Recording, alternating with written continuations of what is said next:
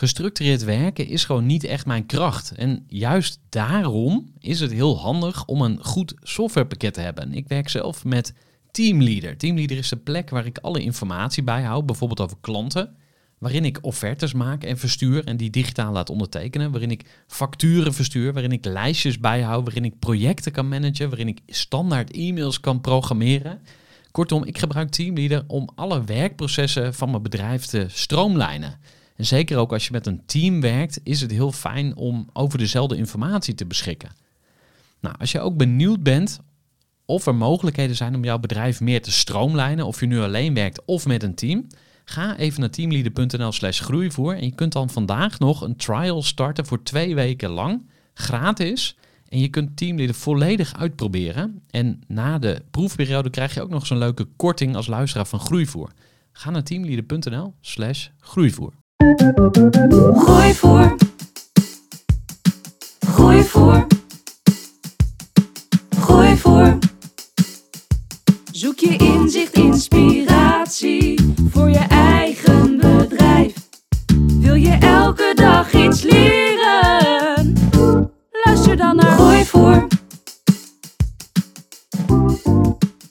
Mijn gast vandaag is een veelzijdig man die al veel op zijn ondernemende kerfstok heeft. Met als rode draad een fascinatie voor optimalisatie. Hij schreef het boek Get Your Shit Together en vandaag komt hij praten over zijn nieuwste boek De Weg van de Uil. Ik heb het over Michel Vos. Michel, van harte welkom. Dankjewel, leuk om hier te zijn. Zeker, van harte welkom. Ehm, ik ga je kort voorstellen aan de luisteraar. Je bent investeerder en steward bij Jugend Forest, een retraitecentrum in het mooie Dronten. Je bent host van de bekende Eindbazen podcast. Je richtte de 12 Waves Academy op en je schreef het boek Get Your Shit Together. Ik noemde hem al even. De verbindende factor in alles wat je doet is jouw zoektocht naar nieuwe manieren om dingen voor elkaar te krijgen. Je speelt graag computergames, maar je beukt er ook graag in het echt op los in de ring als mixed martial artist. Vechtsport, gaan Ja. we misschien straks nog even over hebben. En last but not least, je bent futurist. En daarin eh, hou je vooral bezig met de relatie tussen mens en technologie. Nou, artificial intelligence, hè, daar eh, hebben we het veel over de laatste tijd. Dus daar Ja. gaan we het misschien straks ook nog over hebben. En maar voor we echt de diepte induiken, wil ik je eerst graag nog persoonlijk wat beter leren kennen. Dus ik heb het vragenvuur voor je. Je mag kort antwoorden op de volgende zeven vragen. Wat is de beste les die je van je ouders meegekregen hebt? Gelijke monniken, gelijke kappen. Ik heb ooit een oorbel genomen tegen de wens van mijn ouders in. En eh, dat heeft voor ruzie gezorgd met mijn vader en met mijn moeder. Maar nadat ze, zijn, eh, nadat ze waren gekalmeerd, riep mijn vader eh, me bij zich, bij hem. En toen zei hij, oké, ik vind die oorbel vind ik helemaal niks. Maar je zusje heeft er ook een in de oor genomen, erboven. En daar was ik het ook niet mee eens, maar dat heb ik ook soort van toegestaan. Dus vind ik dat ik dit ook eh, bij jou moet toestaan. Maar onder protest. Nou, en dat is me altijd bijgebleven. Zo van, oké, dat is gewoon... En dat, en dat heeft ook heel veel eh, respect gegeven voor hem als vader, denk ik. Zo van, dit is hoe je omgaat met dat soort, eh, eh, met dat soort kwesties als ouder. Dus dat vond ik mooi. Ja, Ja. rechtvaardigheid. Juist. Wat is jouw beste eigenschap, vind je zelf? En wat is jouw meest eh, irritante of slechte eigenschap? Meest slechte eh, eigenschap? Ja, eh, mijn beste eigenschap is om onvoorstelbaar enthousiast te kunnen worden over dingen. En eh, mijn slechtste eigenschap is om onvoorstelbaar enthousiast te kunnen worden over dingen. En waarom is dat eh, een slechte eigenschap? Nou ja, het, zorgt, het, het heeft er in het verleden wel eens voor gezorgd dat ik als een soort eh, stier in een porseleinwinkel eh, keuzes maakte die achteraf. Voorbeeld, ik heb een keer een eh, brochure zitten maken omdat ik workations wilde gaan doen op het landgoed. Eh, fucking twee weken aangespendeerd. Achteraf bleek dat compleet niet in mijn propositie te passen. En, eh, heb ik, en, maar ik was zo enthousiast erover en ik wilde er zo graag wat mee. Maar als ik er wat langer over had nagedacht, had ik meer Jos Burgers advies moeten volgen. Blik erin, blik eruit. Dus als je een nieuw product lanceert, moet er ook iets zeg maar, van je schap af. Want dat gaat meteen voor wrijving zorgen. Ja. Dus op die manier. Ja, doet me denken een beetje aan. Je hebt af en toe zo'n term, de multimens. Of iemand die hè, multitalented is, die heel veel dingen kan, die heel veel dingen leuk vindt ook. En zie je dat nu inmiddels ook dan als eh, meer als superkracht of als handicap? Waar- welke kant eh, neigt het op? Ik ben beter geworden in eh, aanvoelen wanneer ik er volledig aan moet overgeven. En wanneer ik ook mezelf even een klein beetje moet afremmen. Omdat het wel een compleet andere kant op is. Dus het moet in het verlengde liggen van. Ja. Futurist worden is een voorbeeld van denken. Hmm, is dit echt iets wat je wil? En ligt dit in het verlengde van wat je wil? Het antwoord was ja. Ehm, maar de vraag zat er nu tenminste even tussen. Daar waar dat eerder misschien niet zo was geweest. Ja, mooi. Ehm, noem drie cruciale mensen in jouw leven.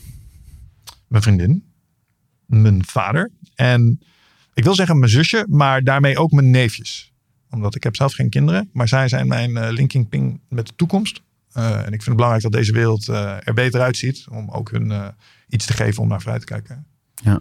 En, en, wat doe je om relaties te bouwen of te investeren? Nou, heel interessant is dat een van de dingen die ik op mijn.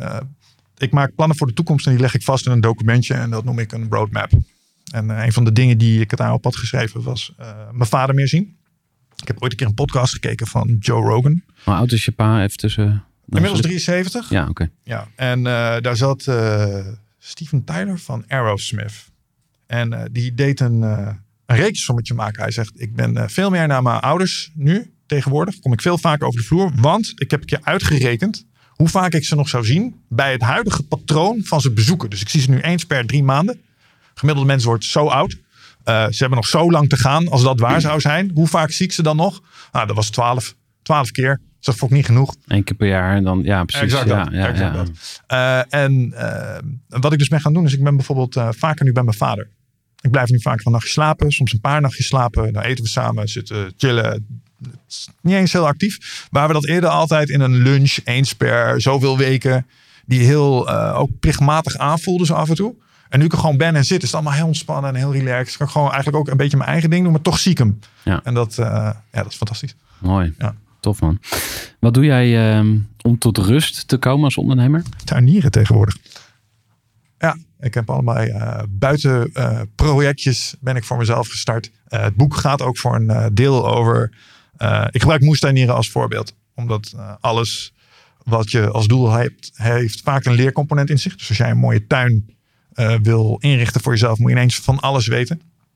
En hoe kom je nou aan die kennis dan? En hoe kun je dat op een manier doen die niet meteen betekent dat je weer een vierjarige opleiding uh, moet volgen. Maar dat je direct op de kern komt uh, van dingen. Um, maar ja, moestuinier is een manier om te ontspannen. Dus achter het scherm weg, terug de natuur in, met je vingers in de klei. En dan dingen doen die in de toekomst voor iets moois zorgen. Want ik heb nu een paar seizoenen meegemaakt um, als tuinier. Ja. En het is echt ontzettend bevredigend om uh, dat soort dingen tot wassendom te zien komen. En dat projectjes slagen, soms dingen mislukken. En dan kun je proberen en dan lukt het wel ineens. Het is, uh, ja, het is geweldig. Ja, vet. Uh, wat is de mooiste plek waar je ooit geweest bent? Mm. Dat is een goede vraag. Ik neig naar twee kanten. Omdat enerzijds waar we nu wonen is wel echt prachtig echt heel erg prachtig. In. Uh, ja, ja, dat is uh, wat je bijna zou kunnen noemen de Shire vanuit Lord of the Rings uh, in Nederland. Um, maar toevallig, omdat ik het laatst op Instagram voorbij zag komen, ik dacht, ja, maar hier moet ik ook weer naartoe. Is een plek waar ik wel echt met awe in heb gestaan, was de Sagrada Familia in Barcelona. alleen toen stond hij zelfs nog in de stijgers. Uh, en dat deed toch een klein beetje afbreuk aan de ervaring. En laatst zag ik bij iemand die er ook weer was geweest. Dacht ik, oh ja, is inmiddels wel een stuk verder. Dat is alweer tien jaar geleden. Dus ik ben benieuwd hoe die ervaring nu is. Maar dat vind ik wel echt een fantastisch stuk uh, architectuur. Ja, vet.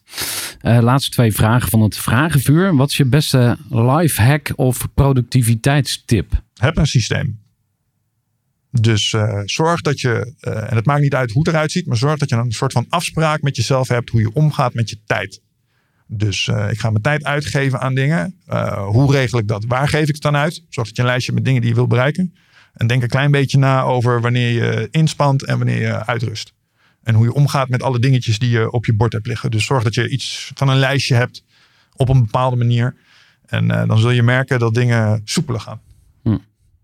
Interessant. Ja. Laatste vraag. Wat is je beste grap? Of is er iets waar jij keihard om kan lachen? Wat zei de ene sneeuwman tegen de ander? Geen idee. Ruikt naar wortels.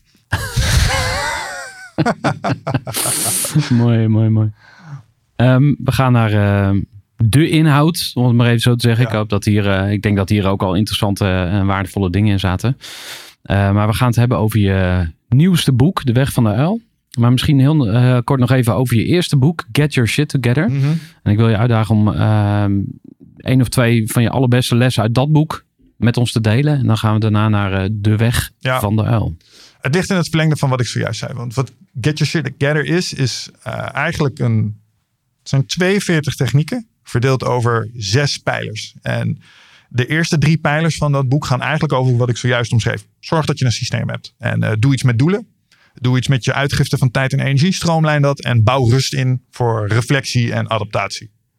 En de achterste drie hoofdstukken in dat boek gaan over hoe blijf je dat doen eh, en waarom wil je dat doen? Dus een stukje mindset. eh, want iedereen heeft zich wel eens voorgenomen om iets te doen ergens aan en is gruwelijk vastgelopen daarin. Heeft het niet meer gedaan, Ja. want uitstelgedrag. Nou, en dat is waar dat boek eigenlijk in een notendop over gaat. En dit tweede boek is eigenlijk. eh, het is een apart boek, je kunt het apart le- lezen. Het, het, het gaat over leren in een wereld die non-stop verandert. Omdat ehm, op het moment dat je, hè, niet alleen door technologische ontwikkelingen, maar ook op het moment dat jij voorwaarts gaat en je gaat doelen achterna, kom je erachter dat om dingen te bereiken in het leven, er verdomd veel dingen zijn die je ook weer moet leren. Dus als je ondernemer wordt bijvoorbeeld, eh, dan moet je ineens allerlei dingen ook kunnen. Je moet iets weten van administratie, je moet iets weten van eh, productontwikkeling, maar je moet bijvoorbeeld ook ineens iets weten van marketing. Ja, wat nou als je daar helemaal niks van weet? Ja. hoe ga je dan je marketing aanpakken en hoe kom je er nou achter wat het beste is? Ehm, een soort gelijke leercurve kun je- kun je ook doorlopen als je bijvoorbeeld eh, je gaat in je vitaliteit werken en nu wil je iets met je eetpatroon gaan doen. En nu ga je proberen uitzoeken wat eh, een goede manier is om te eten. Ja. Succes! Want eh, daar is nogal wat Oeh, informatie Er zijn nogal wat over. stemmen inderdaad. Ja, nou, precies. Exact dat. En omdat ik een podcast heb, heb ik best wel vaak specifieke domeintjes moeten induiken. Ja. Eh, omdat er een specialist kwam en die ging dan bijvoorbeeld over marketing. Of eh, die ging over iets compleet anders. Zoals, eh, ik noem maar wat, neurologie. Of eh, noem iets anders. Ik zou, het was een shaman. Liefdesrelaties, of- liefdesrelaties, trauma, wat dan ook. En dat zijn allemaal experts. En die hebben bijvoorbeeld geschreven werken daarover. En al een heleboel interviews gedaan. Ehm, en een van de complimenten die ik altijd kreeg. Is dat ik bovengemiddeld beslagen ten ijs kwam. En dat is omdat ik mijn voorbereiding op een bepaalde manier deed. En dat Ja. heeft iets te maken met een onderwerp op een bepaalde manier uit elkaar plukken. Eh, bepalen wat nou eigenlijk de belangrijkste onderdelen daarin zijn. En eh, waar het eh, een beetje anticiperen op waar de waarde ligt voor de luisteraar. En te kijken welke principes er nou eigenlijk echt aan ten grondslag lagen. En op het moment dat je dat kunstje ehm, beter gaat beheersen, dan wordt je verkrijgen van kennis om je doelen te behalen, wordt ineens veel makkelijker. Dus het is eenvoudiger om een domein als marketing even voor jezelf in kaart te brengen. Kijk, oké, ik denk dat ik dit nodig heb, want Hmm. dit is het soort ondernemer wat ik ben. En dan heb ik tenminste iets, want een van de dingen die ik omschrijf in mijn eerste boek is: het is beter om iets te doen dan niets te doen. Ja. Dus zorg ervoor dat je gaat experimenteren. Doe je in ieder geval ervaring op, ook al zijn de eerste schoten volledig mis. Maakt niet uit. Ehm, dus Dat Get vind, after ja, dat vind ik sowieso een hele mooie insteek. Doet me denken aan een, eh, een podcast waar ik naar luister van Lewis House. Ik weet niet of je Ja. hem kent. Ehm, eh, The School of Greatness heet, Ja, eh, ja. heet dat. Een van de dingen die hij heel vaak herhaalt is... ehm, het maakt niet uit wat je... Of het gaat er niet om wat je op je beste dag doet. Maar het gaat erom wat je op je slechtste dag doet. Dus als jij op je beste dag, weet ik veel, 15 kilometer gaat hardlopen... Leuk voor jou. Maar wat doe je als je er even geen zin in hebt? Als je geen zin hebt om, om uit je bed te komen.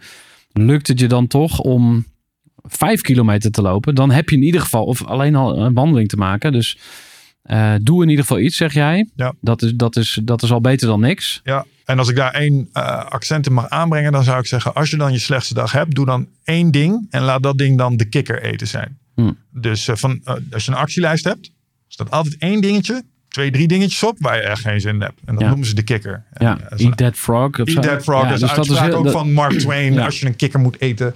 Eh, als je baan is om elke dag een levende kikker te eten. Doe dat dan aan het begin van je dag. Ja. En als je de twee moet eten. Begin dan met de grootste. En, en wat zijn dan dat soort dingen voor, voor ondernemers, denk je? Een, een kikker eten? Ik denk dat dat per persoon verschilt. Voor mij is het, was het eh, bijvoorbeeld marketinguitingen posten op Instagram. En welk stukje daarvan vond je dan lastig? ik vind het moeilijk om in het moment zoals hier nu. eh, als we nu aan de voorkant, als ik zou ik dan een foto maken en die zou ik dan direct posten. En dan eh, moet ik er even iets eh, spitsvondigs bij verzinnen en dat zet ik Ja. dan online. Vind ik verschrikkelijk. Eh, haalt me altijd uit het moment en ik vergeet het ook de helft van de tijd.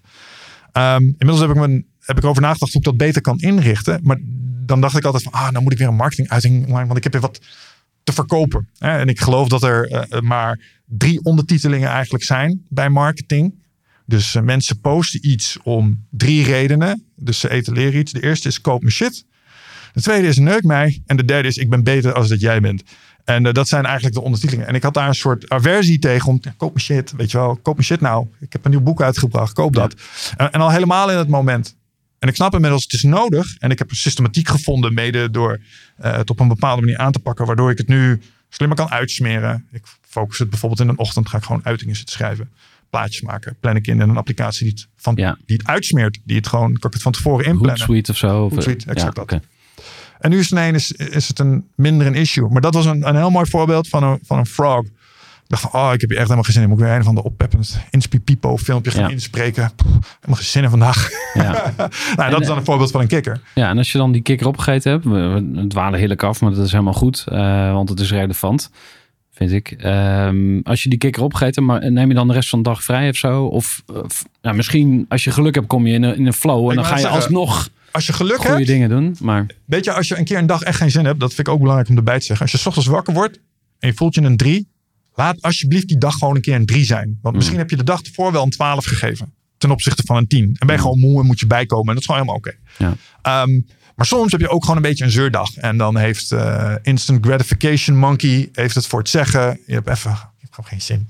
Eh, en als je dan het rotklusje hebt gedaan, dan voelt de hele dag ineens als van de heuvel aflopen. En dan heb je iets ge- gegenereerd dat wij dan momentum noemen. En dat momentum vertaalt zich dan soms wel naar een tweede kikker eten. En nog even een derde klusje, vierde, vijfde, zesde. En voor je het weet ben je gewoon lekker aan het werk. Dan kijk je terug op een hele productieve dag. Ja. Waar je eerder dus anders misschien mm, alleen maar had lopen aankloten. mooi. En ehm, ja, wat ook wel bij me opkomt, is met mildheid naar jezelf kijken. Van ja, eh, jezelf iedere keer met die zweep ervan langs geven. Dat, dat, dat is ook niet heel duurzaam. Dus gun jezelf ook eh, een keer een dag dat je dan, nou, laat maar zitten. Eh, lukt jou dat zelf ook? Of? Ja, er zijn heel veel parallellen tussen ondernemen en dingen voor elkaar krijgen en trainen. Mhm. En er bestaat zoiets als overtraining. Aha. Dus je kan gewoon te veel hebben gegeven. En eh, als je dat hebt gedaan en je probeert weer te gaan trainen op het moment dat je eigenlijk nog onvoldoende gerust hebt. Dus, Laten we het heel simpel maken. Stel, iedereen die hier naar luistert, eh, die kan een x aantal push-ups. Toch? Eh, laten we zeggen, iedereen die naar luistert is heel sterk, dus die kan er 20. Dus eh, en op een gegeven moment gaan we beginnen en dan gaan we 20 push-ups gaan we maken. En dan laten we zeggen dat je ook maar alleen 20 kan, dus niet meerdere setjes. Ehm, maar op een gegeven moment kun je geen push-ups meer.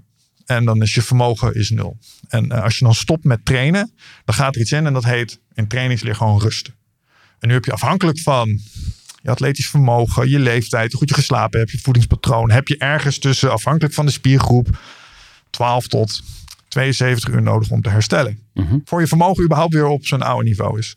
Eh vooropgesteld, iedereen kan meer als één setje dan 20 push-ups vaak wel. Maar, dus, maar je vermogen is nul geworden. Mhm. Ehm, en als je nu oh, lang genoeg wacht met rusten, dan eh, is je vermogen straks niet alleen hersteld naar 20, maar je lichaam eh, heeft ook een beetje aangepast, want die heeft die prikkel gekregen. Die denkt, oeh, dat was wel pittig. Ik ga die spieren iets sterker repareren, want er zitten kleine scheurtjes in. Ja. En nu kan ik er geen 20. Nee, nee, nu kan ik er 20,5. en eh, iets sterker als de vorige keer. En dan begint het eigenlijk opnieuw. Dus dan train je tot 20,5, dan ben je weer op 0, gaat de rust weer in, volgende keer 21. En zo ga je van 10 naar 100 kilo in een sportschool. Ja. Maar het illustreert ook het belang van rust. Als je niet rust, word je niet sterker. Eh, dan- exact. Kijk, en natuurlijk kun je met trainen bijvoorbeeld zeggen: oké, ene dag train ik. Dit is waarom spiergroepen worden eh gerouleerd. Dus na ene dag is benendag, de andere dag is schouderdag, dan heb je Ja. een borstdag. Eh, zodat de spiergroepen hun eigen rustperiodes in kunnen. Terwijl je de volgende dag een andere groep soort van belast. Ja. Die zijn eigen rustperiode dan weer kent. Maar overal, jij als mens hebt natuurlijk ook een soort eh, algehele energiehuishouding. Ja. Nou, en ik denk dat als je je daar op een gegeven moment gewoon voel je wel, je bent moe, is het gewoon oké om te rusten. Ja. Ja, en dat lukt mij wel. Beter inmiddels. Misschien nog heel even op die, die raps eh, doorgaan. Want, eh, of tenminste, ik dacht van, oh ja, een push-up kan je ook eh, met een verkeerde techniek doen. Dus dan, en toen sprong mijn hoofd naar marketing. Ik, ik krijg vanmiddag ook nog iemand in, in de podcast over LinkedIn. En zij zat naar mijn, of zij is LinkedIn-expert en ze keek naar mijn tijdlijn. En ik, ik dacht dat ik heel goed bezig was met LinkedIn. Ik was helemaal aan het posten, dus ik was de raps aan het doen. Ik was de, de herhalingen aan het eh, doen, dus ik was Mhm. keihard aan het werk. Zij zegt van ja, je doet het verkeerd. Weet je wel? Met jouw following op LinkedIn zou je veel meer likes en veel meer comments moeten halen. Eh, dus dat zit er ook nog in. Dat je, eh, als je heel hard gaat werken, je gaat keihard knallen, je gaat je dag vol rammen met allemaal taken. Ehm, maar misschien ben je de verkeerde dingen aan het doen. Dus even die rust nemen, afstand nemen. Ja. Eh, doe je wel de juiste dingen en eh, klopt het wel wat je doet? Dus de technieken, zeg maar. Ja. Eh, hoe, hoe, hoe kijk jij daarnaar? Nou ja, rust zorgt voor reflectie. Dus Hmm. reflectie kan alleen plaatsvinden vanuit rust. Dus het is lastig om zeg maar al bewegend te evalueren hoe het gaat. Ja. ja. Dat is ook een van de belangrijkste componenten die wordt vergeten in het verkrijgen van vaardigheden. Is het organiseren van feedback op jezelf door bijvoorbeeld een Hmm. expert. Ja. Maar natuurlijk ook gewoon door het te meten. Ja. Alleen jij had dus blijkbaar geen idee dat er metrics zijn waar je naar kunt kijken. Precies. Uh, en zodra we uh, de prestatie daartegen aan gaan houden, komen we tot de conclusie, als het gaat om reps maken. Nou, er zijn manieren om meer uit de rep te halen. Ja. Door onze techniek aan te passen. Maar daar komen we pas achter als we de reps gaan maken. Ja. Nou, en dat is een beetje voor sommigen een kip-ei-verhaal. Dus daarom zeg ik, begin nou maar. Ja, je Krijg je vanzelf wel feedback. Ja. Want uh, ik, ik probeer ook verschillende dingen met mijn marketing. En ik zie ook, oh, dit slaat wel aan. Oh, dat doet helemaal niks. Hoe kan het dat dit niet werkt? Nou, door je dat af te vragen en ernaar te kijken en te proberen en te experimenteren. En er kennis over op te doen, te vergaren, op een bepaalde manier te verwerken. En daarmee nieuwe acties te formuleren voor jezelf. Kan je de meeste kennisvraagstukken best wel makkelijk oplossen. Alleen je moet voor jezelf het oké vinden dat het in stukjes is. En dat je ook een paar blundertjes maakt. En uh, oh, dan, dan is er maar een post met nul likes. Lekker Ja. boeien. Ja. Interessant. Nou, we hebben het uh, over je eerste boek gehad. Je zegt van uh, zorg in ieder geval dat je een plan hebt. Misschien nog een laatste vraag daarover. Want dan wordt het misschien eigenlijk al wel heel filosofisch. Maar um, hoeveel controle denk jij dat je hebt over je eigen leven? Hm. Um, ja, dat is inderdaad een filosofische vraag. Ik denk dat ik hem redelijk heb beantwoord. Het ligt eraan hoe je kijkt, aankijkt tegen vrij wil. Want er is recentelijk een mooi boekje uitgekomen. Dat heet Determined. En de eindstand was vrij wil is een illusie. Neurologisch gezien. Dus het, het eerlijke natuurkundige antwoord op je vraag is geen. Geen controle over je leven. Je zit in een soort achtbaan. Ja, nee, ik vraag het omdat natuurlijk je zegt, ja, Ja. plannen maken, doelen, Ja, dat ja, klinkt allemaal heel erg van, ik ga het doen. En, en dan, Dus um, de vraag is eigenlijk, maar zit er dan nog enige maakbaarheid in? En ik denk dat er binnen marges, maar dit kan cognitieve dissonantie zijn, uh, maar ik denk dat er binnen marges keuzes zijn. En nu ga ik een voorbeeld gebruiken om dat uit te leggen, dat misschien een beetje geeky is en niet voor iedereen duidelijk, maar ken jij Hearthstone? mm, nog niet. Magic the Gathering, Mm, wel eens van gehoord. kaartspel. Ja. En uh, het is, uh, je trekt kaarten en op die kaarten staan plaatjes met een tekstomschrijving. En daar kun je iets mee. Bijvoorbeeld speel een vuurbal uit en dat doet jou twee schade. Um, welke kaart je trekt, dus als jij voor een keuze wordt gesteld, kun je niet bepalen. Dat is een soort van random. Dat is hetzelfde hè, met vrije wil van uh, noem een stad. En dan zeg jij Utrecht, want daar zitten we nu. Oké, okay, maar waarom niet Belgrado of uh, waarom niet New York? Je had niet echt een, een lijst met stedennamen die je kende, die je afging of zo. Nee, het waren gewoon één of twee opties. De eerste dacht je, nee, niet die, doe die maar, want ik ben eigenwijs, vrij wil en zo. Maar er kwam er één uit. En je had geen enkele keuze over welke dat waren. Nou, zo is het ook met die kaarten die je aangereikt krijgt. Maar ik geloof wel dat bijvoorbeeld het lezen als zo'n boek als Get Your Shit Together of Getting Things Done of um, iets van Jocko Willink ervoor zorgt dat er, er kaarten bijkomen in je deck. Hmm. Dus uh, ik ben nu een heleboel YouTube-kanalen aan het kijken van Carol Klein. Dat is uh, British Greatest Gardens. Ik heb in het spelletje moestuinieren, ja, heb ik er een shitload aan kaarten bijgekregen inmiddels. Omdat zij mij dingen heeft laten zien over stekken die ik niet kende, die ik nu wel ken, uh, die ik nu kan toepassen, waar dat eerder niet zo was. Was het 100% maakbaar dat ik die specifieke video tegenkwam? Mm, beetje, want ik heb ergens opgeschreven dat ik wilde moestuinieren. Wat dat idee dan weer uiteindelijk wegkwam, was ik daar dan 100% zelf de regisseur van? Of is dat meer een resultaat omdat ik ergens een keer een boek heb gelezen, dat heet Lord of the Rings. En nu wil ik een soort van de gauw nabouwen in mijn Ja. achtertuin? Geen idee. Maar ik denk dat in die bandbreedte zit een klein beetje. Even een korte onderbreking met een belangrijke vraag aan jou. Want wat heb jij geregeld voor het geval je van de ene op de andere dag zou komen uit te vallen? Wat gebeurt er dan met je bedrijf, maar vooral wat gebeurt er met jou persoonlijk en ook in financieel opzicht? Samen met ASR voerde ik drie openhartige gesprekken over tegenslag en veerkracht. En dat deed ik met Saskia, Vincent en Pieter. Ondernemers met een bloeiend bedrijf die van de ene op de andere dag niet meer konden werken.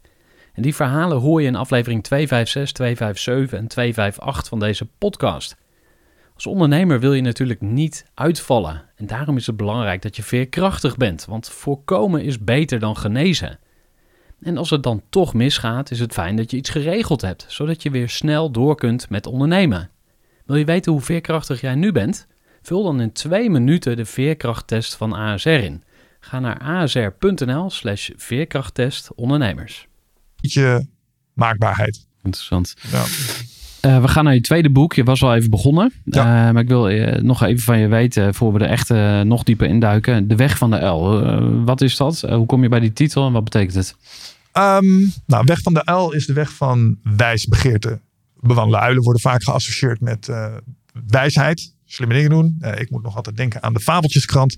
En een van mijn favoriete Yoda-figuren is Archimedes uit de Disney-film Het Zwaard in de Steen. Ik weet niet of je die nog kent. Had je Merlijn de Tovenaar. Die had ook zo'n beide hand de uil. En ik weet dat ik daar als kind echt eh, non-stop op in een scheur lag. Dat vond ik fantastisch. Maar uilen staan symbool voor iets. En ik geloof dat symbolen heel veel kracht hebben. Um, en het is een boek dat mensen helpt om kennis te vergaren. En kennis om te leren zetten in begrip. Zodat je er iets mee kunt in de echte wereld. Hmm. Kan 5000 marketingboeken lezen. Maar als het zich niet manifesteert in conversiegenererende uitingen, Mm. om maar eens even vieze marketingtermen er tegenaan te gooien, wat ben je dan aan het doen? En het doel van dit boek is ervoor zorgen dat ongeacht wat het is wat je probeert te leren, het mag ook gitaarspelen zijn, of uh, moestuinieren, of uh, vechtsport. Ja. Um, wel een grappige anekdote. De eerste voorbeelden die ik had over bijvoorbeeld deconstructie, modelleren, eerste principes, waren allemaal vechtsportvoorbeelden. Ging over bepaalde stoottechnieken met boksen en heupen indraaien. Zo vond de uitgever iets te agressief. Heb je niet iets anders? Ja, moest tuinieren om een compleet andere uiteinde van het spectrum te pakken. Ja. Maar uh, het werkt op allebei. Dus het is eigenlijk een boek over leren, als ik het goed begrijp. Ja. Dus die uil, die staat symbool voor wijsheid. Wijsheid is dus ook afstand nemen. Uh, ja, ik zie een uil op een boomtak zitten, dus hij kijkt van boven. Ik dacht ook even van, oh, een uil die, die plukt ook een muis uit elkaar. Dus die is ook aan het deconstructen. Oh zo, Van de, het zijn wel hoofddieren, ja. Ja, ja, ja um, dus, maar dit boek gaat eigenlijk over leren. Ja. Waarom ik dat ook fascinerend vind, dus dan pak daar lekker weer de draad op, uh, is dat ik denk heel veel ondernemers gewoon aan het ondernemen zijn. En uh, misschien zijn er positieve uitzonderingen, maar heel veel ondernemers maken geen tijd om bezig te zijn met uh, nieuwe skills leren of Ja. met zelfontwikkeling. Ja, je luistert misschien wel eens een podcastje, maar ik heb het altijd fascinerend gevonden dat ik wel nadacht over het ontwikkelbudget van mijn medewerkers. Hè, van, nou, ga jij maar een cursus doen. Maar als het dan op mezelf uh, aankwam, dacht ik van, nou ja, daar heb ik geen tijd voor. Of uh, ik weet alles al, nog veel Ja. gevaarlijker. Dus uh, leren is, is belangrijk voor ondernemers. Nou ja, de, de, de mooie die ik ooit van Michael Pilatschik heb gehoord is je weet niet wat je niet weet. Hmm. En uh, naarmate ik meer bekwaam word in dingen, kom ik achter, oh shit, dat wist ik echt niet. En leggen ze uit, wat, wat, wat, wat, wat Nou, bijvoorbeeld als we het voorbeeld van vechtsport nemen. En je begint net met je eerste Braziliaans jiu-jitsu les. Ja. Je hebt echt geen idee wat voor een oceaan aan technieken, nuances, details, uh, accenten, uh, stromingen er zijn binnen deze sport. Ja. Je hebt echt geen idee. Ja. Uh, en dan duik je en dan, dan dip je je teen erin. Uh, en dan heb je je eerste voet een keertje nat gemaakt. Ja. En dan denk je, oh, ik weet het wel een beetje. En dan komt er een keer iemand langs van een, met een seminar die het op een compleet andere manier benadert. En dan merk je al redelijk snel, holy shit, er zijn levels in dit ding. Want onze sensei is echt God voor ons. Maar er zijn mensen die hem oprollen, weet je wel. Uh, en makkelijk ook. Ja, wat is dit dan? Um, en, en vechtsport is een, is een heel mooi voorbeeld. Want als, uh, daar heb ik echt geleerd, kennis is kracht. Techniek doet Toch er toe. Ja, ja, het is ook een anekdote die ik aanhaal in mijn eerste boek. Maar mijn eerste ervaring met vechtsport werd ik meegenomen door Meloes Koenen. Meloes Koenen is uh, inmiddels best wel bekend vechtster, MMA-vechtster. Maar ik was toen ook al twee meter. Iets lichter, 90 kilo. Um, maar aanzienlijk zwaarder als zij was. En um, ik denk ook sterker. Maar ja, ze noemen Braziliaanse jiu-jitsu ook wel onvrijwillige yoga. Of de kunst van kleren opvouwen met de mensen er nog in. En dat heb ik aan de lijve mogen ondervinden. Ja. Ik kon het probleem, haar verslaan, niet oplossen. Niet met kracht niet.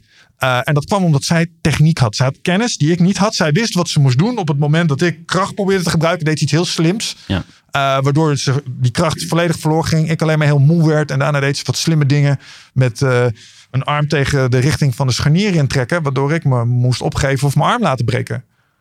En het probleem niet zo vast was opgelost Ja. in het sparren. En dat vond ik fascinerend. En dat is waar voor echt heel veel dingen. Ja. Als je maar weet, het stukje kennis hebt wat nodig is om het probleem op te lossen, dan ineens Ja. verandert alles. Oké, maar die vind ik dus dan wel eh, ingewikkeld voor eh, ondernemen. Want als je kijkt van, oké, wat is ondernemen? Dan heb je onder de motorkap misschien wel tien verschillende deelgebieden. Hè? HR, legal, finance, IT, eh inco, weet ik veel. Ik noem even wat dingen op. Marketing.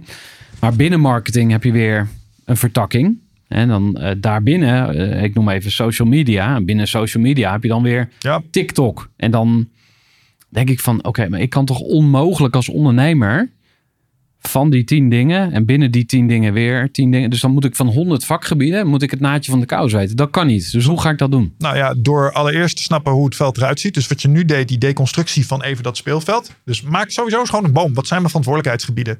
Welke subspecialisaties kom ik daar tegen? Ehm, dus wat zijn de belangrijkste speerpunten binnen die organisaties? Nou, te gek.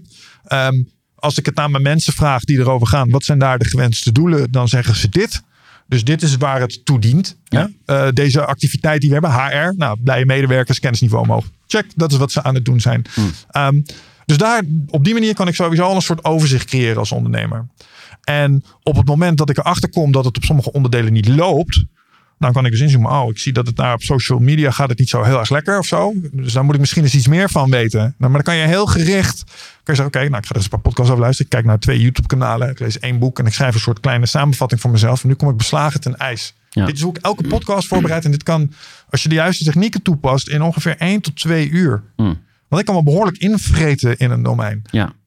Maar jij bent dus wel van, uiteindelijk moet je het wel echt zelf snappen. Op hoofdlijnen Of zou je daar nog soort genoeg van... om mensen te kunnen aansturen. Aha. Ehm, kijk, voorbeeld, ik heb met veel IT'ers gewerkt. Dus wij maken software.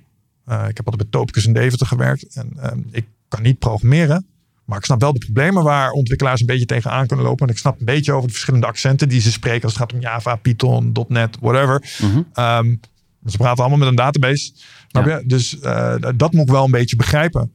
Maar als het gaat om echt het optimaliseren en het uitvoeren. Ja, dat moeten zij dan eh, eh, moeten zij doen. Want daar zijn ze Ja. de specialist voor. Ja. Maar je moet wel eh, inzien welke problemen je hebt en welke specialisten je er een soort van voor nodig hebt. Vind Ja. ik als ondernemer. Oké, dus dat boek, eh, De Weg van de Uil, die helpt je om beter te leren.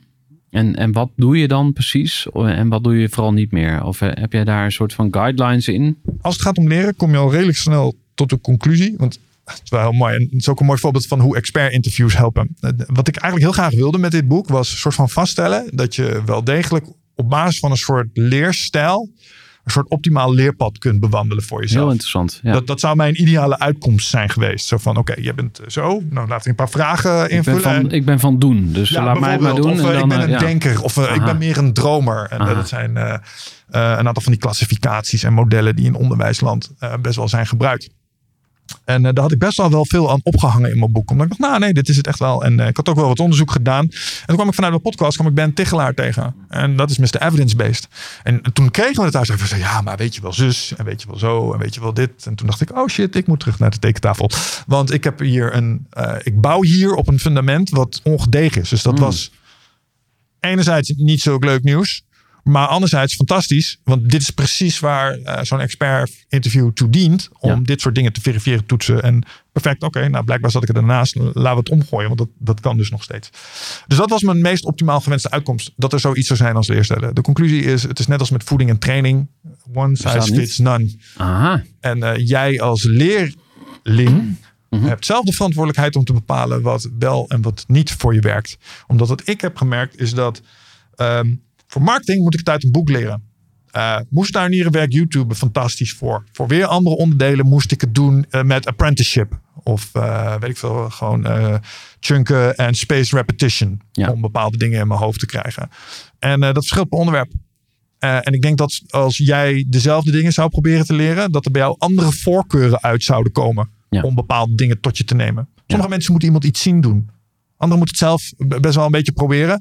Maar we kunnen mensen daar eigenlijk niet zo eh, over één kam scheren. Want het verschilt per onderwerp, per moment. En dat soort. Dus daar zelf je ownership in nemen als leerling is eigenlijk wat dit boek je probeert te laten zien. Door dingen die je wil leren vast te leggen in een leerweg. En dat, dan komen we wel redelijk snel terug. Ook bij de goal setting. Schrijf eens op wat je wil leren.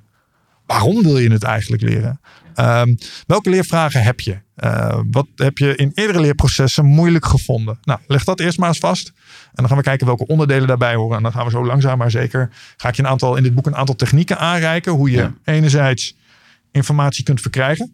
Hoe kom ik dan aan al die informatie? Nou, literatuurstudie is nog steeds bijvoorbeeld een hele geldige manier. Podcasts zijn erbij gekomen. Maar je hebt inmiddels ook dingen als ChatGPT. Ja. Nou, hoe verhouden die zich dan tot elkaar? Maar je hebt ook, hoe ga je om met uh, het verwerken van informatie? Want uh, leuk dat je al die boeken hebt gelezen. Maar uh, hoe komen we nou tot, hoe maken we daar kaas van? Nou, dan kom je al snel op het terrein van modelleren. Ehm, en, daar, met modelleren dus gewoon mindmaps maken, boomstructuren, samenvattingen schrijven. Breng je dat domein eigenlijk voor jezelf in kaart.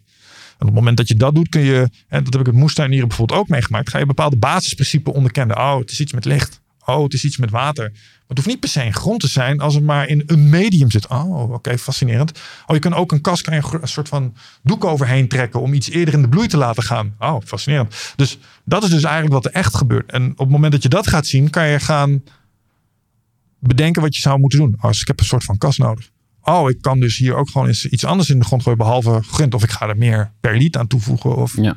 om iets. Dus door het te snappen wordt je vermogen om een effect in de werkelijkheid te krijgen ja, veel groter. En al die leertechnieken die erin staan. Kijk, um, iets leren over moestuinieren is bijvoorbeeld iets anders dan uh, een bepaalde vechtsporttechniek leren. Daarvoor moet je naar. Ik ga niet deliberate, uh, deliberate practice lopen doen op stekken of zo. Dat ik uh, 5000 stekjes ga maken om dat stekken gewoon helemaal in muscle memory te krijgen. Dat is daar niet nodig. Ja. Maar voor een links-rechts rechter kick combinatie als ik wedstrijden zou willen gaan vechten, is dat weer een heel ander verhaal. Dan moet je dat zeker doen. En op gezette tijden, dan is er een x aantal reps wat je moet aantikken. Ja. Um, en om de zoveel tijd moet herhalen, om dat een beetje top of mind te laten zijn. Uh, en daar zijn dan weer ja, patronen voor die, die ik probeer voor te schrijven in het boek die je kunt volgen om dat te doen. Ja. ja. hoe zit het met uh, dingen afleren? Het zit ook een beetje in de hoek van gewoonten. Ja. Had het net even over jouw neiging om heel enthousiast te worden over iets. En dan en dat was je superpower, maar het Ja. kon ook je valkuil zijn. Dus eh, eh, misschien even voor jou persoonlijk. Zijn er dingen die je afgeleerd hebt in het ondernemerschap... waarvan je zegt, nou, gelukkig heb ik dat eh, nu achter me gelaten.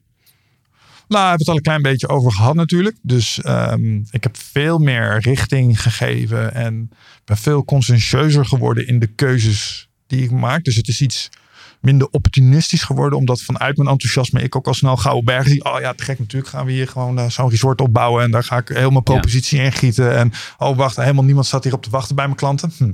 Snap je? Dus dat veel minder. Ehm, maar wat ik bijvoorbeeld ook ehm, Kijk, aan- en afleren ligt heel dicht eh, tegen elkaar aan.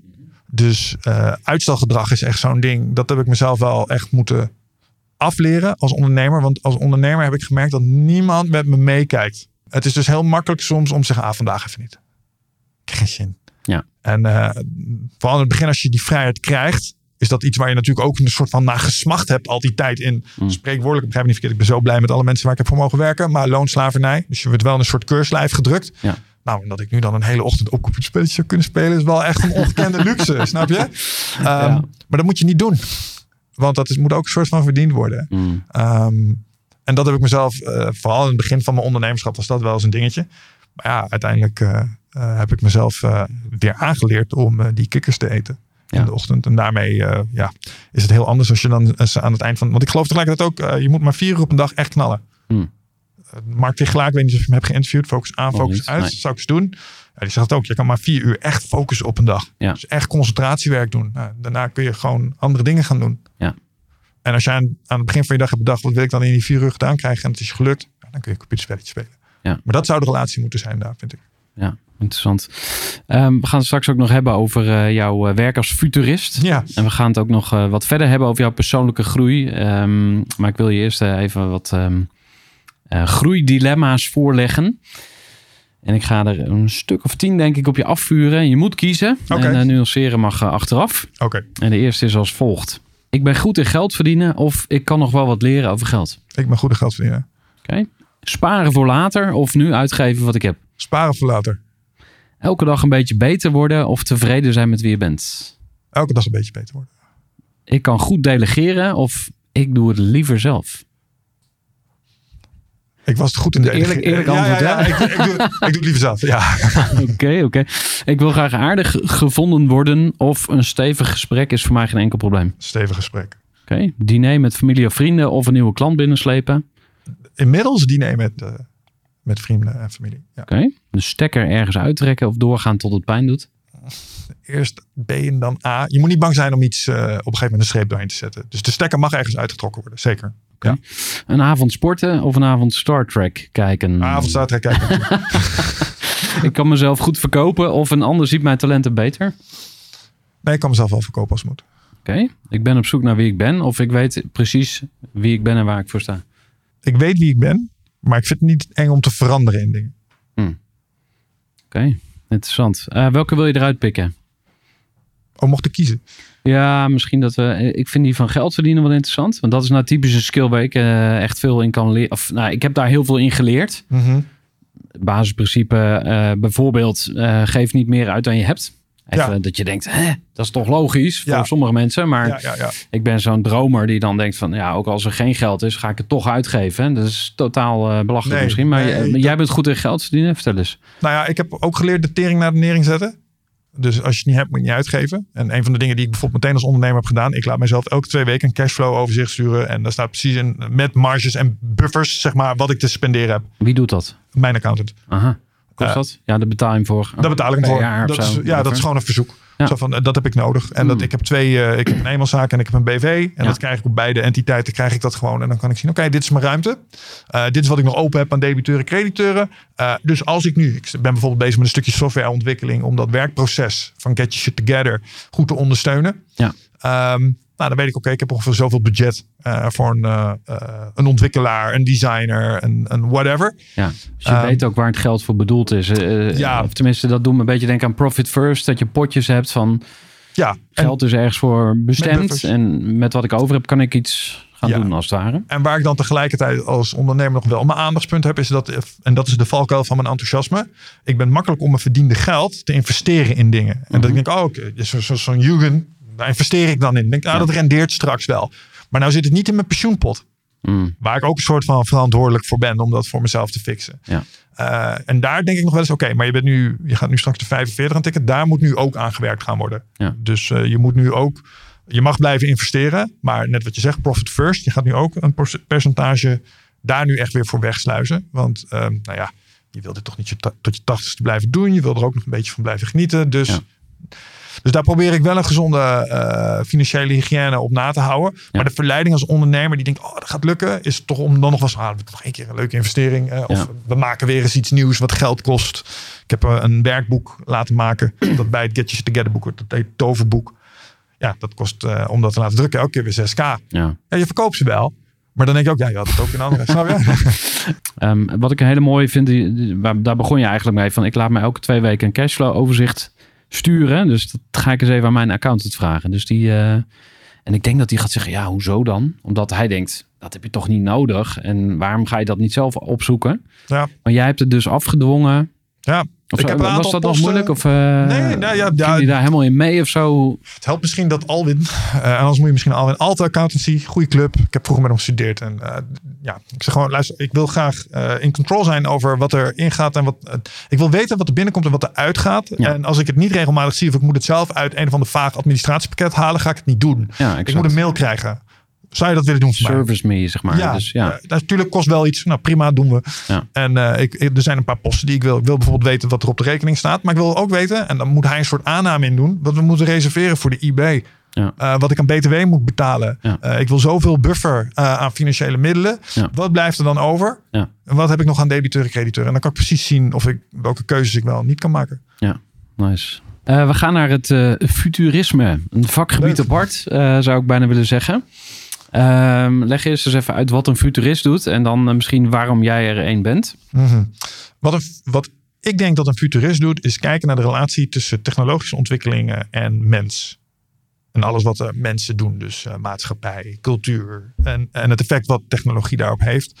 Ehm, en, het, en het probeert iets te zeggen over hoe de toekomst er potentieel uit zou kunnen zien. Ja.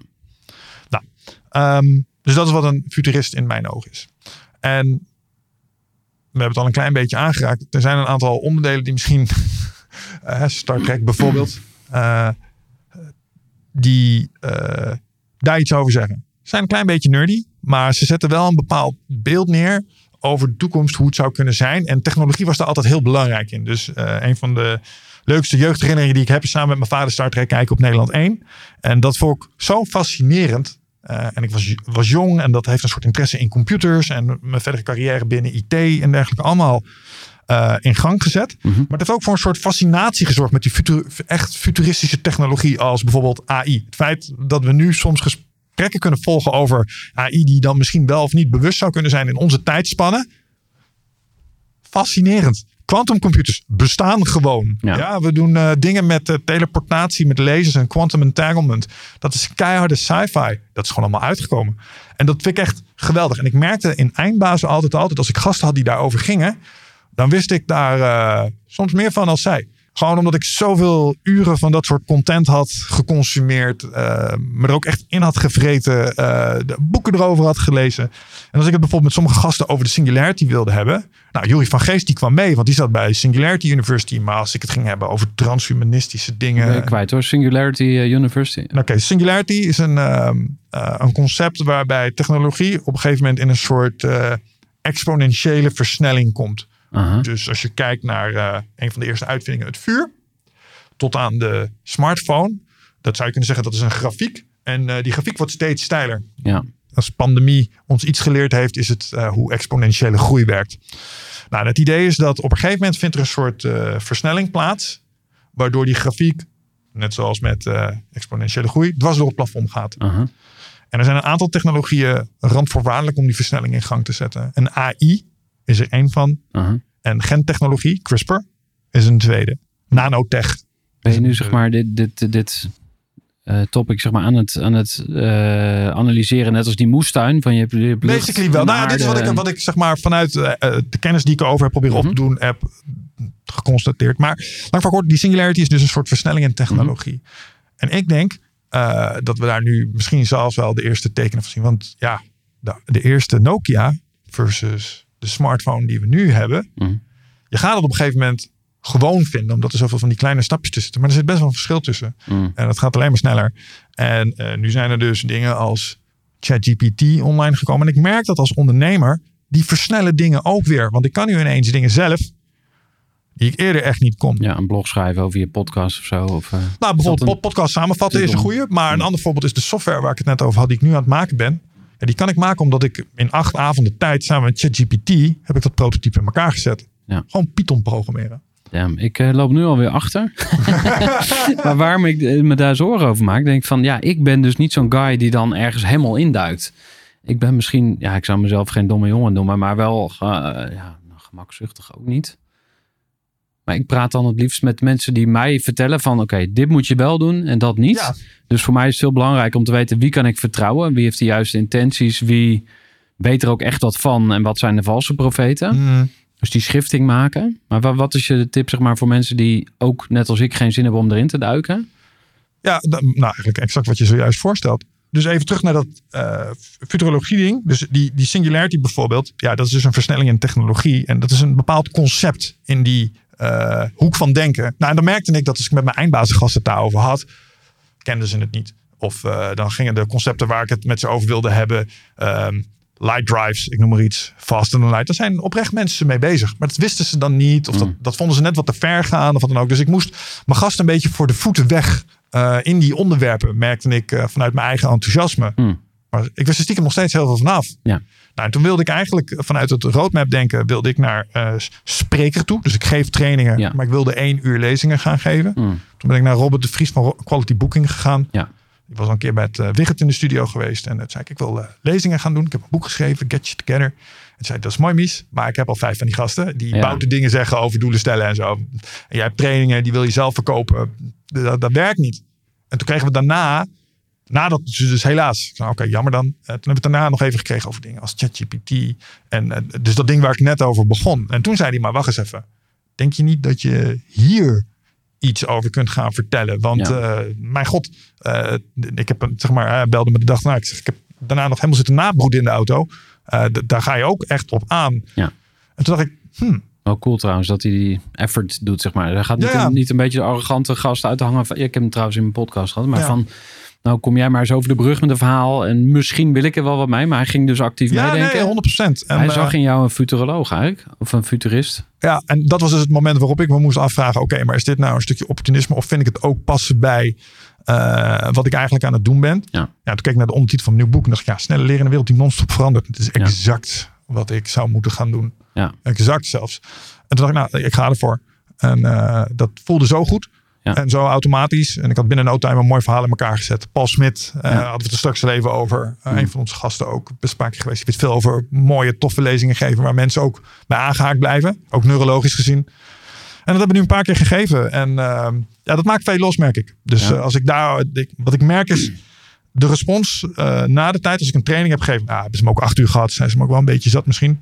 Ehm, maar mensen komen na de tijd bij me, sturen me mailtjes eh, Mm. met voorbeelden van dingen eh, die ze zelf tegenkomen, of use cases, of eh, soms zorgen die ze hebben over technologie en wat het gaat doen met de toekomst en dat, dat soort dingen. En ja, dat ze iets uit het verhaal hebben gehaald, waardoor ze toch een beetje rooskleuriger ernaar zijn gaan kijken. Wat ik je wil vragen is om drie slides te pakken. Waarvan je denkt dat ondernemers die absoluut moeten zien of horen. Want we maken deze podcast voor ondernemers. Die Ja. zien ook al die technologie. Die hebben misschien ook eh, een uitzondering daar gelaten. Ik heb een vriend die duikt er dan ook helemaal in. Maar de meeste mensen, ik denk dat die A, eh, überhaupt nog niet door hebben wat er aankomt. Eh, B, geen tijd hebben om zich erin te verdiepen. Wat, wat moet ik ermee? Even buiten blogjes tikken. Oké, één sheet die ik zou willen laten zien is een filmpje van de nieuwe software die ik maak, waarin ik ChatGPT eigenlijk een doel dat ik had, namelijk een moestuin maken, ehm, liet verhelderen. Dus nou, ik kon in een veld invoeren, wat is je gewenste uitkomst? En toen deed ik een moestuin en dan drukte ik op een knopje en toen maakte hij dat ding smartified hij. Dus hij maakte hem specifiek meetbaar. Dus een moestuin binnen zoveel maanden met deze groenten erin om voor zoveel calorieën aan eten voor twee personen eruit te halen. Ah, hier kan ik iets mee. Save.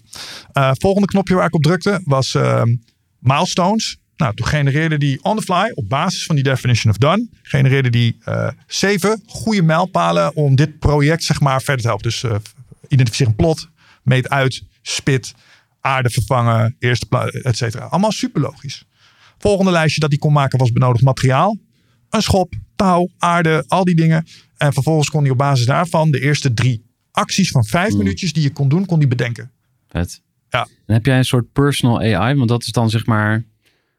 Eh, want dat heb ik ergens. Ik ben van eh, ergens de klepel horen. Uh. Hoe heet dat? De klok horen luiden, maar ik weet niet waar de klepel hangt. Dus je kan een personal AI maken. Je kan bijvoorbeeld je hele e-mailhistorie uploaden of al jouw documenten. En dan gaat hij dus in jouw gedachtegoed zitten of in jouw Ja, wat ik heb gedaan. laat- schrijfwijze is het meest oppervlakkig misschien. Maar ik weet niet welke AI's je geprobeerd hebt. En ze kunnen het nog niet allemaal.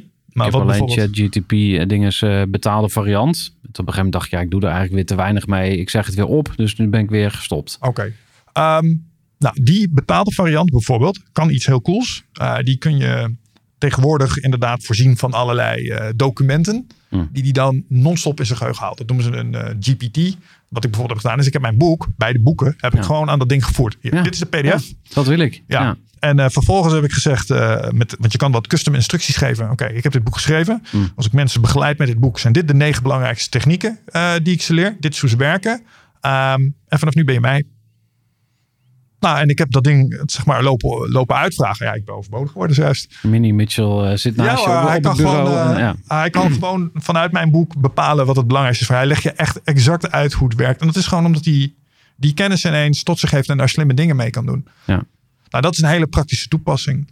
Uh, een andere toepassing als laatste dan nog voor ondernemers die ze misschien interessant vinden is... Um, we hadden het straks al even over mijn uh, relatie met marketing. Komt niet, niet geheel uit de lucht vallen omdat ik ook een aantal marketingbureaus van dichtbij heb meegemaakt... en me ook wel eens hardop heb afgevraagd, wat is jullie toegevoegde waarde eigenlijk precies? Mm. Um, en ik heb documenten, dat noemden ze dan brand identities, voorbij zien komen. Oké, okay, ik heb 20.000 euro uitgegeven voor deze vijf sheets. Ja. Kikken.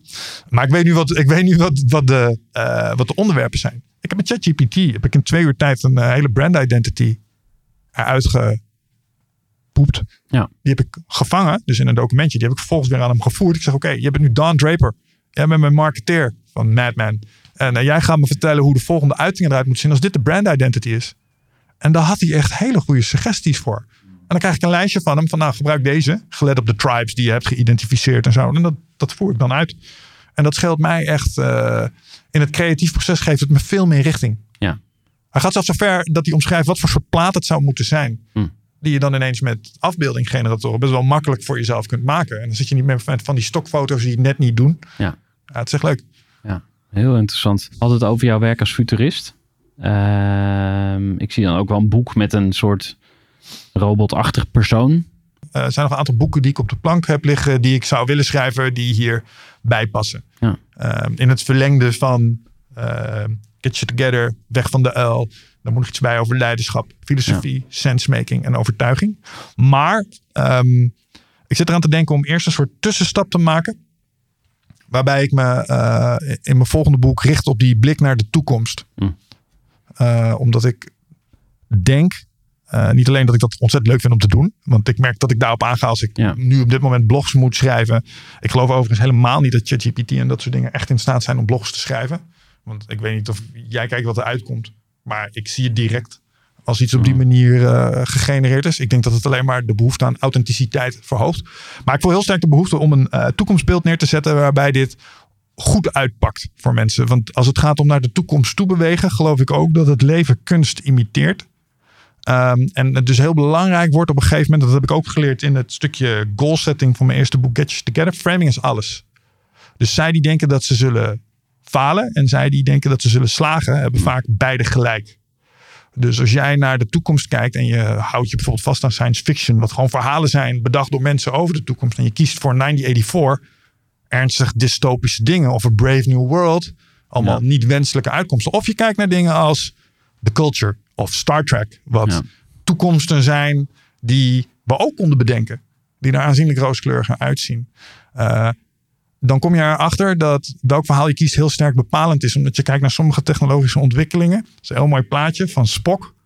Die houdt iets vast, dat heet een tricorder. En als je het niet weet, in Star Trek is dat een apparaatje waar je beeld mee kon vastleggen. Altijd over informatie kon beschikken en over lange afstanden met mensen kon communiceren. Wat in de jaren zeventig echt heel indrukwekkend was. Mm. En dan heb je Steve Jobs met zijn smartphone. Ja. En dan kun je afvragen, heeft Star Trek nou de iPhone voorspeld? Of heeft Steve Jobs een tricorder nagemaakt? Mm. Ik denk dat laatste. Dus eh, de kunst die je consumeert bepaalt wat je wil creëren in de werkelijkheid. Het feit dat ik zo'n tuin wil maken komt omdat ik The Shire, Lord of the Rings ooit een keer als verhaal en dat wil ik dus een soort van namaken. En ik denk dat het hetzelfde geldt voor technologie.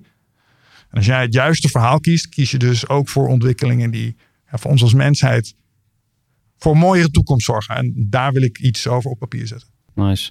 Eh, misschien nog even over eh, de toekomst. Want we hadden het ook over. ehm, ik heb jouw eh, aantekeningen erbij. Hier staat iets over de dood. Ik hoorde vanochtend dus iemand zeggen dat we in de toekomst misschien niet meer doodgaan. Dat ons regeneratief vermogen zo sterk wordt dat we dus ehm, oneindig kunnen leven. Geloof je dat? Ja, ik geloof dat het mogelijk is om straks biologische ouder worden om te draaien. Sterker nog, er zijn nu al medische cocktails die dat doen. Dat is een recente doorbraak. Hm. Waarbij dingen gewoon biologisch jonger worden gemaakt, muizen. En ik geloof dat de eerste klinische tests voor mensen nu beginnen. En dat betekent dus dat, eh, dat je potentieel straks eh, onsterfelijk zou kunnen worden. Ja. ja. Ik dacht altijd dat moet je willen. Net zoals dat ik dacht, je moet straks iets willen van een chip in je hersenen waarmee je non-stop bij Google kan en altijd over alle informatie beschikt. En, Hm. eh, maar hoe langer ik daarover nadenk, hoe meer ik denk dat dat misschien het kantelpunt is waarbij we als mensheid te veel afscheid nemen van wat we echt zijn. En dat dat iets is waar je waakzaam voor moet zijn. Technologie moet dienen eh, en moet je helpen om je doelen te bereiken, maar dan wordt het iets anders. Hmm. Ehm, en aan de andere kant, dus dat is de ene kant, dat is een beetje een spirituele kant. Dus ik denk dat, dat wij iets zijn wat moet sterven, Hmm. omdat dat ook waarde geeft aan de ervaring. Zo simpel is het.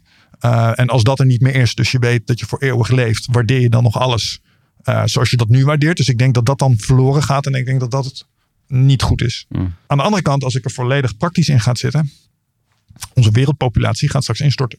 Ja. Eh, demographic collapse is een ernstige zorg.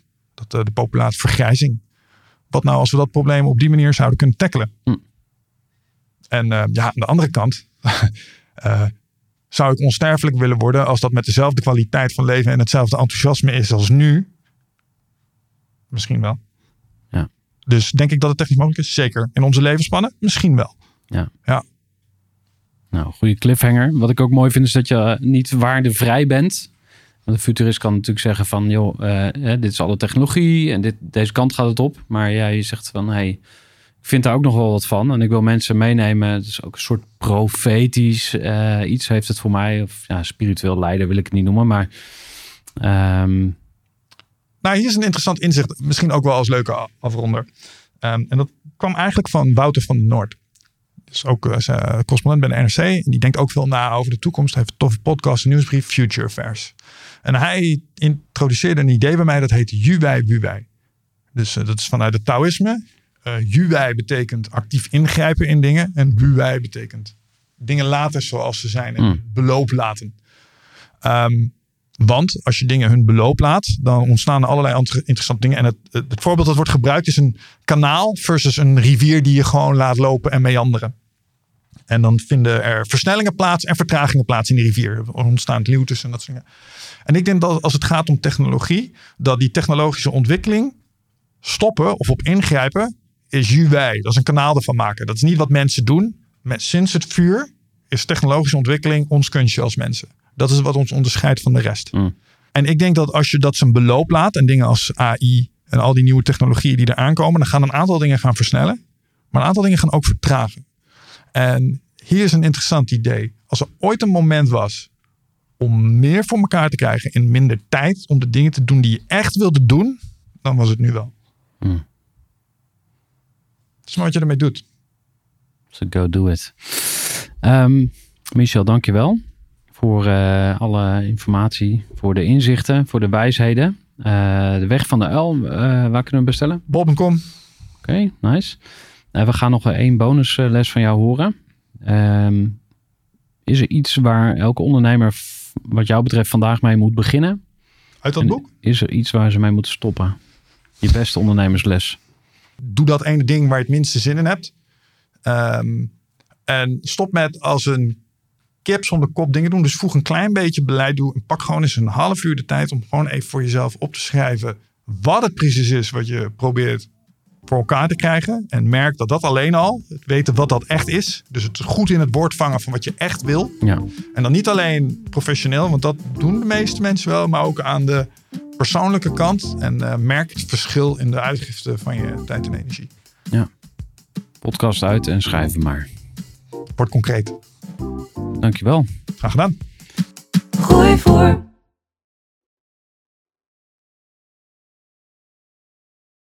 Gestructureerd werken is gewoon niet echt mijn kracht. En juist daarom is het heel handig om een goed softwarepakket te hebben. Ik werk zelf met Teamleader. Teamleader is de plek waar ik alle informatie bijhoud, bijvoorbeeld over klanten. Waarin ik offertes maak en verstuur en die digitaal laat ondertekenen. Waarin ik facturen verstuur, waarin ik lijstjes bijhoud, waarin ik projecten kan managen, waarin ik standaard e-mails kan programmeren. Kortom, ik gebruik Teamleader om alle werkprocessen van mijn bedrijf te stroomlijnen. En zeker ook als je met een team werkt, is het heel fijn om over dezelfde informatie te beschikken. Nou, als je ook benieuwd bent of er mogelijkheden zijn om jouw bedrijf meer te stroomlijnen, of je nu alleen werkt of met een team, ga even naar teamleader.nl slash groeivoer en je kunt dan vandaag nog een trial starten voor twee weken lang, gratis. En je kunt Teamleader volledig uitproberen. En na de proefperiode krijg je ook nog zo'n leuke korting als luisteraar van Groeivoer. Ga naar teamleader.nl slash groeivoer.